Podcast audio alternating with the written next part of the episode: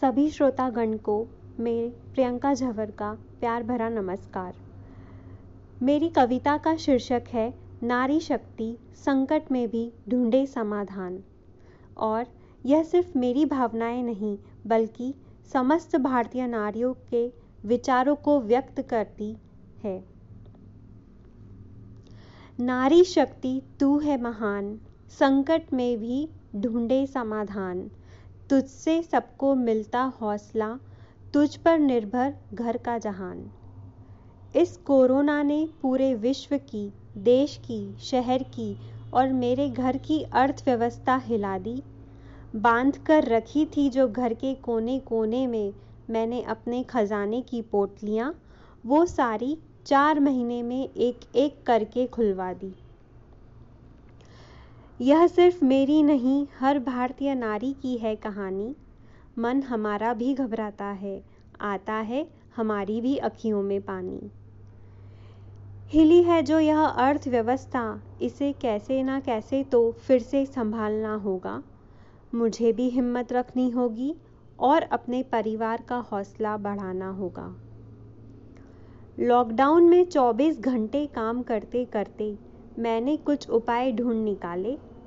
आप भी ज़रा एक बार सुने और इन्हें अपनाकर अपने घर की अर्थव्यवस्था संभालें। लॉकडाउन में हमने एक नहीं, दो नहीं, घर के सारे काम कर डाले। यह आदत जो बनी है अब, यह आदत जो बनी है अब, उसको हमेशा के लिए बना लें। छोटे मोटे काम खुद करें, नौकरों से ना करवाएँ। खुद थोड़ा संभलें और थोड़ा उनको संभालें। जहाँ तक हो सके, थोड़े दिन ना करे कोई आयोजन, और अगर करना ज़रूरी ही है तो बनाए उसमें सीमित भोजन। अन्न धन जो भरा है घर में, उसका करे कम से कम प्रयोग। अन्न धन जो भरा है घर में, उसका करे कम से कम प्रयोग। सादा भोजन में नया स्वाद भरे ना बनाए छप्पन भोग। सादा भोजन में नया स्वाद भरे, ना बनाए छप्पन भोग। ना खरीदे कोई वस्तु, कपड़े और गहने। अभी तक जो संजोए हैं, अभी तक जो संजोए हैं, उनको ही पहने। कर दे किटी पार्टीज़ और गेट टुगेदर को बंद।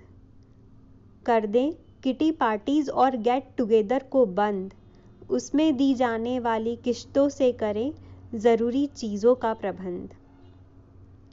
जैसे लॉकडाउन में कर रहे हैं, वैसे करें वीडियो कॉल पर मेल जैसे लॉकडाउन में कर रहे थे, वैसे करें वीडियो कॉल पर मेल जैसे लॉकडाउन में खेल रहे हैं, वैसे व्हाट्सएप ग्रुप पर खेले किटी पार्टी वाले खेल।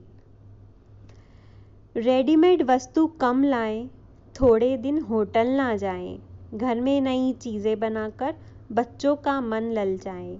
पापड़, चिप्स, केक, अचार, सॉस ऐसी चीज़ें घर में ही बनाएँ। कोरोना ने हिला दी है सबकी अर्थव्यवस्था, बनकर आया कठिन चुनौती।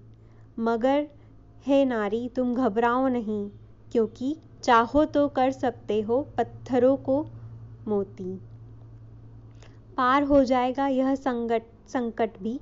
करके कुछ बंदी और कुछ कटौती। बूंद बूंद करके फिर भर जाएगा सागर, भर जाएगी खजानों की पोटली।